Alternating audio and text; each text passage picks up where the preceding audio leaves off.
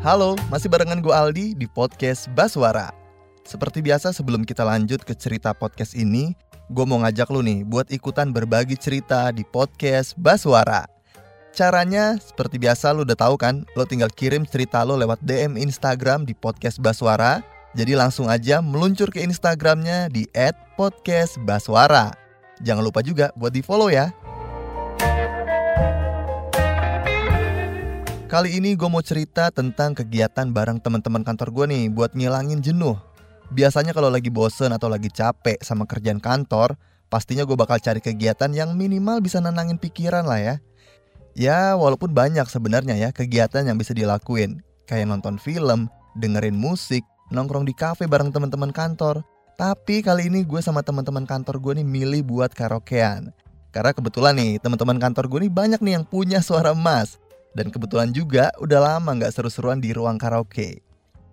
Tapi di karaoke kali ini tuh ada cerita yang menurut gue harus gue ceritain nih lewat podcast ini. Jadi gue sama teman-teman gue waktu itu karaokean nih di salah satu tempat karaoke yang ada di daerah Tebet, Jakarta Selatan. Dan lo tahu kan, kalau harga makanan dan minuman di tempat karaoke itu harganya mahal. Kayak air mineral yang ukurannya cuma 300 ml aja tuh harganya bisa sampai 10 ribu per botolnya. Apalagi minuman yang lucu-lucu gitu kan. ya oke okay lah kalau minuman ringan gitu kita bisa dapat dari paketan room karaoke-nya. Tapi namanya kumpul bareng teman, kayaknya kalau nggak ada minuman-minuman khas tuh kayak ada yang kurang gitu. Dan akhirnya kita mutusin buat beli minuman ini dari luar tuh. Nah, supaya tuh minuman bisa masuk ke dalam, adalah nih teman gue yang jadi panitia buat ngurus minuman-minuman itu. Nah, sebelum kita jalan, kita sepakat nih kalau belinya jangan banyak-banyak ya. Soalnya kita minum kan emang buat enjoy doang nih. Kata dia sih oke okay, siap. Udahlah tuh. Terus gue sama anak-anak langsung kan jalan ke tempat karaoke-nya. Dan si panitia minuman ini emang sengaja datangnya belakangan. Soalnya dia emang belanja minuman dulu. Singkat cerita sampailah nih kita di tempat karaoke dan kayak kebanyakan orang pada umumnya ya di tempat karaoke, gue sama anak-anak mulailah karaokean dengan lagu-lagu yang santai dulu buat pemanasan. Sekitar dua atau tiga lagu kita nyanyi baru deh nih si panitia minuman ini datang nih. Dan lo tahu apa? Dia bawa minuman dua kali lipat dari rencana awal beli. Ya emang sih waktu itu kita lumayan banyak yang join, ada sekitar 10 orang gitulah. Tapi beli minumannya jangan disamain juga kali sama jumlah orang yang ikut karaokean. Ya karena udah terlanjur beli, ya mau nggak mau kita nikmatin aja tuh minuman-minuman lucu yang banyak banget sambil karaokean. Satu jam pertama sih masih aman semua nih kan Dan gelas juga nggak berhenti-berhenti muter Saking banyaknya tuh minuman yang dibeli. Sampai-sampai minuman yang kita dapat dari paket room itu bener-bener nggak kesentuh. Jadi abis nyanyi yang diminum tuh bukan air putih atau lemon tea yang kita dapat dari paketan room karaoke-nya Tapi minuman lucu itu tuh. Kebayangkan lu gimana rasanya? Udahlah tuh, kita masih lanjut nyanyi terus sama lagu-lagu yang emang enak nih buat singelong gitu. Sambil temen gue yang tadi beli ini masih terus muterin minuman yang masih banyak ini ke kita-kita yang lagi nyanyi bareng. Sampai akhirnya nih, ada momen yang tadinya kita semua berdiri buat singelong.